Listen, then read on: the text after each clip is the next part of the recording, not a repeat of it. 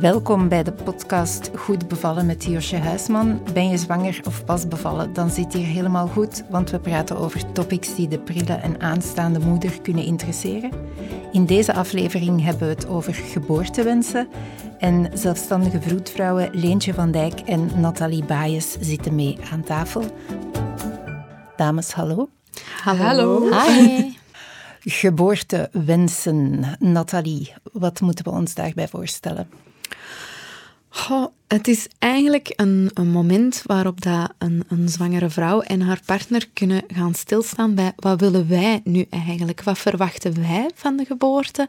Um, hoe willen wij dat wij gezien worden tijdens dit belangrijk moment? En, en waaraan kunnen we ons verwachten? En ik denk dat het heel belangrijk is dat een, dat een, een jong koppel en aanstaande ouders die dialoog ook naar elkaar gaan opentrekken. Uh, en dat creëert eigenlijk een moment om dingen bespreekbaar te gaan maken en, en meer verduidelijking te gaan krijgen naar, naar ja, hoe dat zij het zien, hoe dat zij dat babytje willen gaan verwelkomen.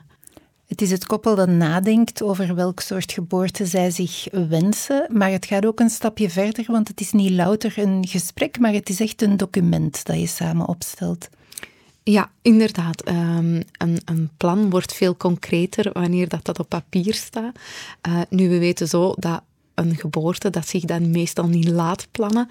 Um, dus wij spreken daarom ook wel liever van geboortewensen, maar het is een heel handig uh, communicatiemiddel ook naar uh, andere zorgverleners toe ook, wanneer dat het op papier staat. Leentje, doen jullie dat echt in de praktijk, met pen en papier gaan zitten met een koppel en noteren? Ja, uh, wij geven mensen de geboortewensen mee naar huis. Nu, wij bespreken het helemaal eerst op consultatie, dat alles voor hun heel duidelijk is. Ze gaan dat dan thuis als, als koppel zijnde helemaal uh, samen bekijken, het er samen over hebben. En dan zowel, uh, of beide collega's gaan dat dan allebei met hun uh, helemaal bespreken. Zodat het duidelijk is. Ja, ik denk niet dat het handig is om ja, je geboortewensen op te schrijven. En dan als je bijvoorbeeld naar het ziekenhuis gaat omdat je daar wil bevallen, zo van hier, voilà, dit zijn mijn wensen. Kunnen jullie dat even nakomen, alstublieft? Dank u wel. Ik denk dat het heel belangrijk is om vanaf het begin met je vroedvrouw, maar ook met de zorgverlener die misschien in het ziekenhuisje gaat be uh, begeleiden, ja, die communicatie te hebben en vanaf het begin af aan ja, daar heel open mee te spreken, zodat het niet uit de lucht komt vallen, alles wat je wilt. En dat je ook kijkt naar wat haalbaar is en wat niet. En um, ja, degene die bij je zal blijven, misschien heb je een doula of misschien blijft je partner bij je. Nou, misschien meestal, maar misschien ook niet. Hè? Ik bedoel, alles kan in principe. En dat is het belangrijkste, dat je als, als bevallende vrouw heel erg beseft dat je zelf mag en kan kiezen. En dat je niet een nummer bent in het ziekenhuis of de zoveelste vrouw die even iets komt deliveren. Want het is best wel een ingrijpend moment. En ik denk dat je tijdens het opschrijven van je geboortewensen, waar je natuurlijk altijd een aantal ja, terugkerende puntjes hebt, ook heel eerlijk naar jezelf gaat zijn van wat is het dat ik nodig heb? Kijk ik ergens naar uit? Ben ik juist ergens heel erg bang voor? Of um, ja, en wat is dat dan precies? En dat je dat kunt bespreken, zodat ja, dat je achteraf het gevoel hebt van oké, ik, heb, ik heb er alles aan gedaan om deze gebeurtenis zo te laten plaatsvinden dat ik mij er goed bij voel. Josje haalt aan dat het niet louter draait over het opstellen van een document, maar echt ook de vraag van wie zijn die mensen die bij mijn bevalling aanwezig zijn. Dat is ook een van de topics dat je in die geboortewensen gaat oplijsten, van wie is erbij, wie mag erbij. Niet te veel stagiairs misschien in het ziekenhuis. Um, wat is het verschil tussen een doula en een vroedvrouw, Leentje? Um, een doula is iemand dat een vrouw bijstaat, zowel fysiek als mentaal, maar geen medische handelingen stelt. Een doula bij je bevalling hebben kan een supergrote meerwaarde hebben, vooral als je met een gynaecoloog in het ziekenhuis gaat bevallen. Want de vroedvrouwen die daar werken, die doen hun uiterste best om tijd voor jou te nemen, maar soms moeten die bij vijf vrouwen tegelijk op de kamer zijn. Dus wordt er niet genoeg tijd voor elke vrouw individueel um, uitgerokken. Dus een doula kan een, uh, een heel mooie meerwaarde zijn, zeker en vast. Een vast vertrouwd gezicht in de kamer is -hmm. gewoon fijn op zo'n moment, denk ik. Wat zijn zoal de personen dat mensen misschien niet aan denken, maar die nuttig zijn om bij een bevalling te hebben? Is er een soort golden leak dat je aanbeveelt van mensen om aanwezig te hebben? Goh, wij zijn, wij zijn twee vroedvrouwen, dus ik zou zeggen sowieso een vroedvrouw die dat je bij voorkeur al kent van tijdens de zwangerschap. Ehm, maar dat is een, een, heel individuele keuze. Hè? Ja, Ehm, ik hoor wel eens verhalen van mensen die een halve familie aan het bed hebben staan tijdens de bevalling. Ik moet er persoonlijk niet aan denken, maar andere mensen voelen zich daar weer goed bij. Whatever floats your boat. Ja. Als het voor u werkt, prima. Hè? Ja. Maar Michel Audin zegt dan bijvoorbeeld voor elke aanwezige in de kamer tijdens een geboorte mocht je een uur langere arbeidstijd rekenen. Ehm, Ja. Omdat het is iets heel intiem, hè, bevallen. En, en ehm, the energy that gets the baby in will get the baby out. En ja, als er tien mensen op staan te kijken, misschien is dat voor sommige mensen wel hun ding, maar bij lange niet voor iedereen. Nee. Die persoon dat echt de vertrouwensfiguur is tijdens de bevalling, wie was dat voor jou, Josje? Mm, mijn vroedvrouwen en mijn partner. Meer mensen waren er ook niet bij. In het begin, later wel. En waren zij nog met die geboortewensen bezig? Nou, zij, zij hebben mijn hele zwangerschap opgevolgd. Dus het was heel duidelijk hoe ik het wilde. En er was een bepaald soort vertrouwen opgebouwd. Waarin ik hen ook durfde te volgen in de beslissingen die zij ehm, dachten dat best waren voor mij. En ehm, ja, dat is gewoon echt wel een heel fijn gevoel. Dat je niet een hele uitleg moet gaan lopen doen terwijl je midden in je bevalling zit of zo. Dat je gewoon aan een.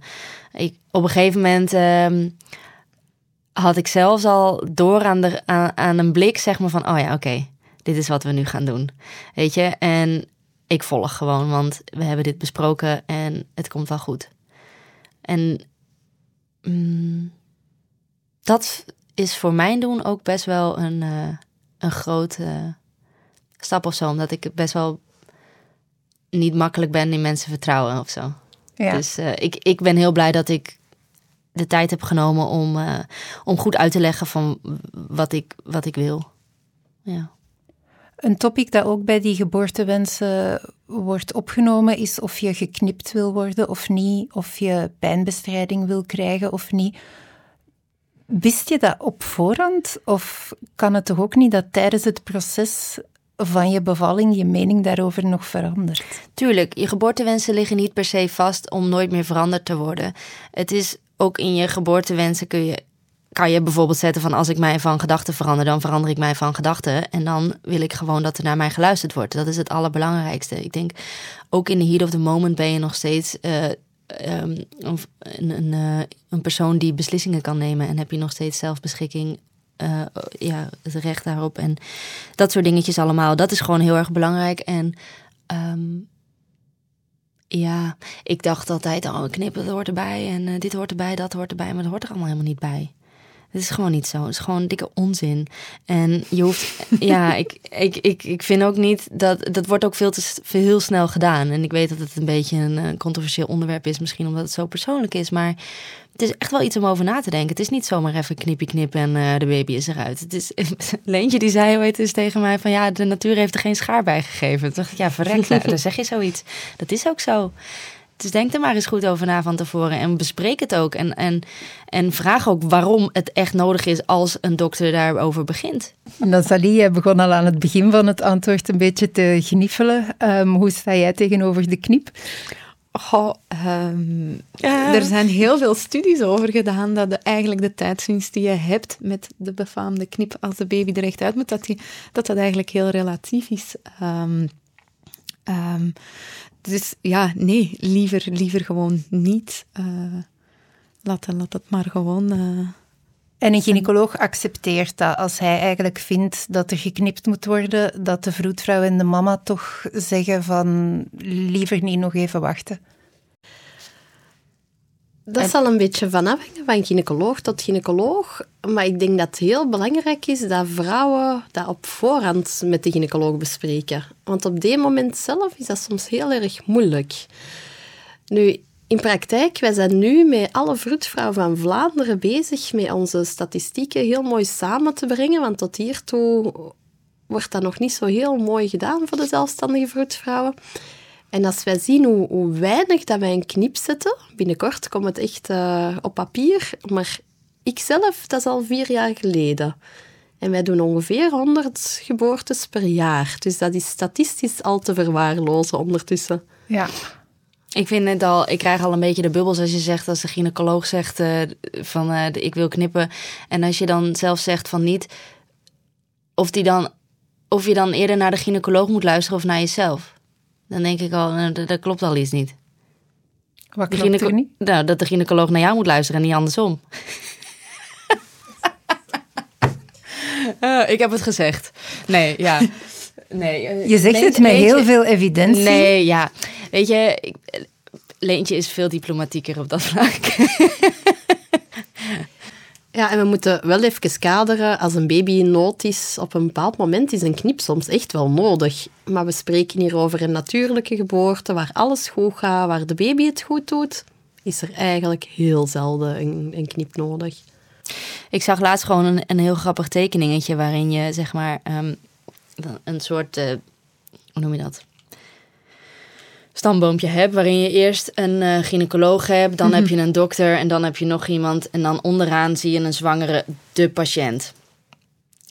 Nou, en dan daarnaast zag je een plaatje van uh, de zwangere vrouw.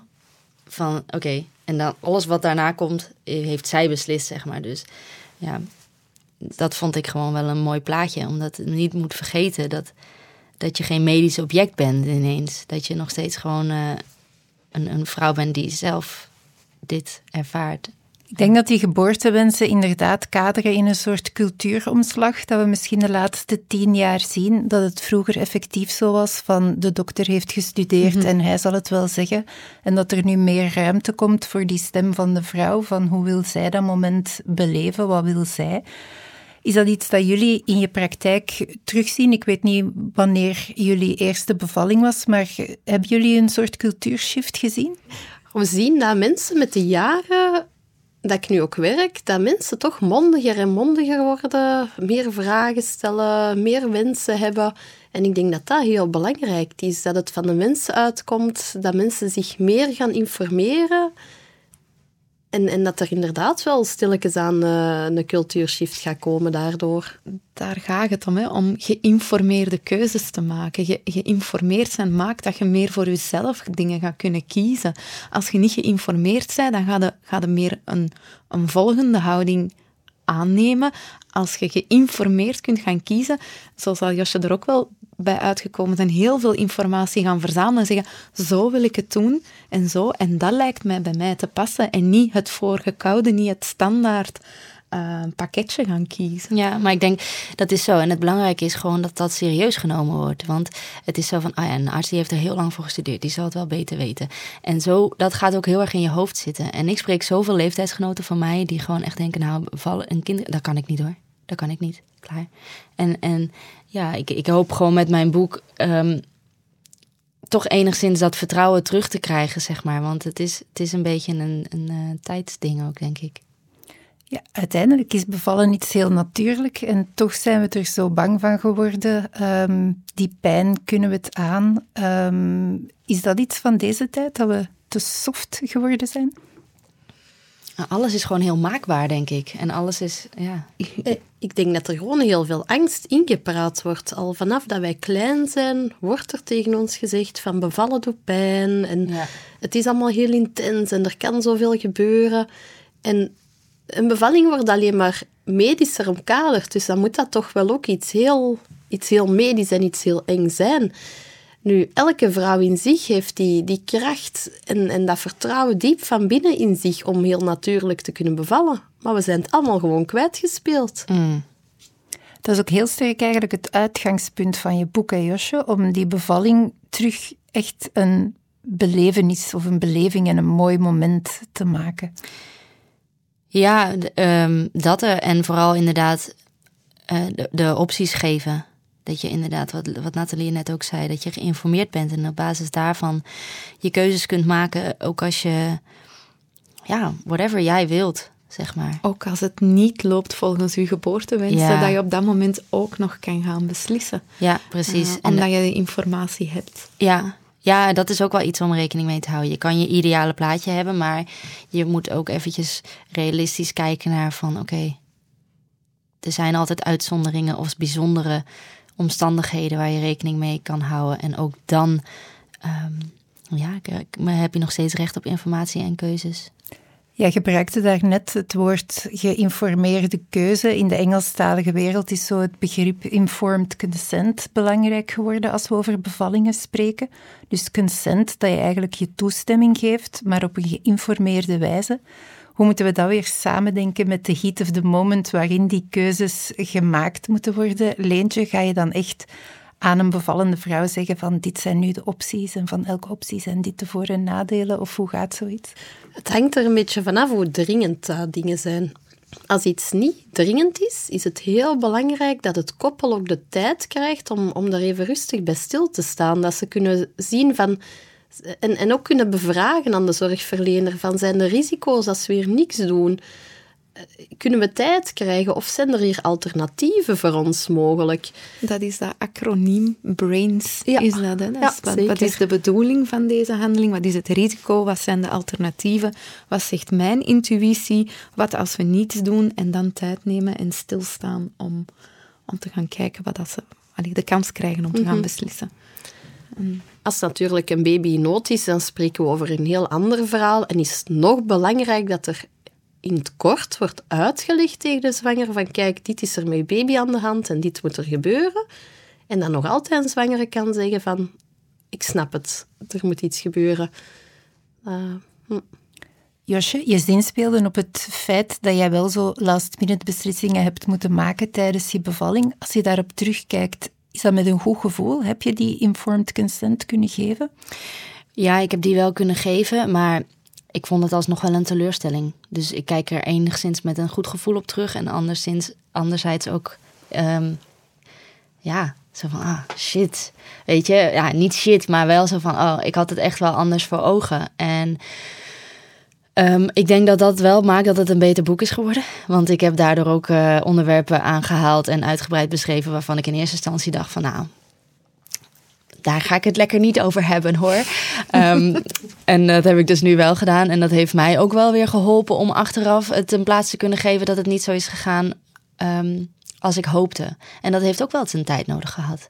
Dus daarom daarom denk ik ook dat ik zo bevlogen kan schrijven over het boek. Omdat ik weet hoeveel impact het heeft. En dat ik ook weet dat, hoeveel, dat er veel vrouwen zijn die dat niet willen erkennen of kunnen erkennen. Of het gevoel hebben dat, dat dat niet op hun plek is.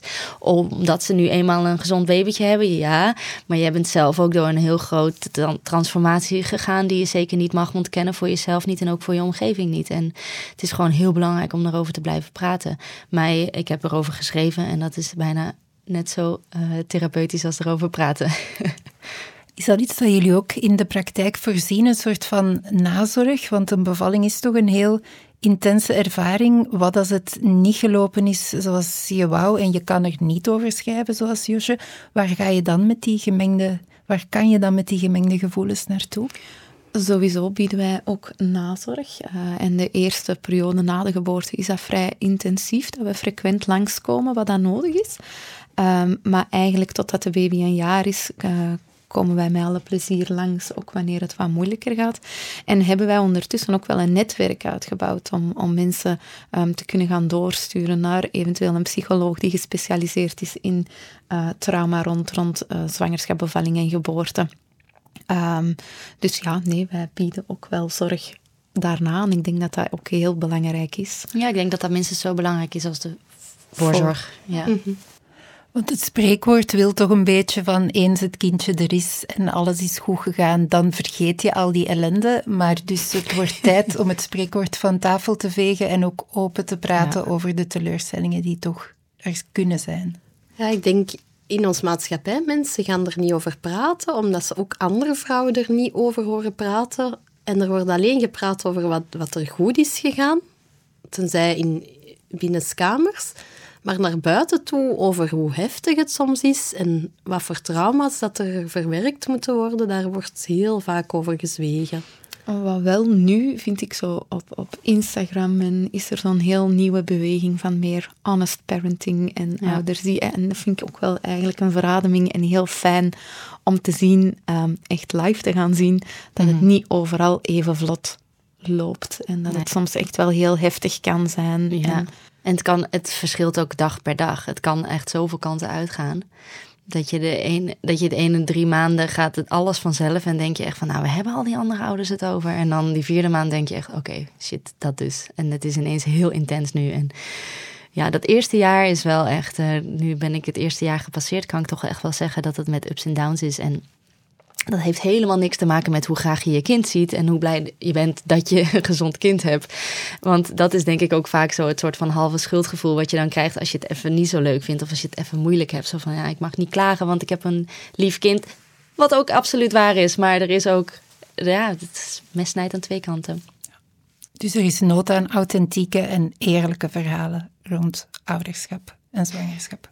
Ja, en ik denk, ik denk dat vrouwen elkaar gewoon uh, moeten steunen, mogen steunen en elkaar aanhoren en, en eh, de ruimte, ruimte geven om uh, eerlijk te zijn. Dat lijkt mij een mooie gedachte om deze aflevering mee af te sluiten. Wil je het graag allemaal nog eens rustig nalezen, dan kan dat in het boek van Josje Huisman Goed bevallen, verschenen bij Van Halenwijk, een onderdeel van Pelkmans Uitgevers.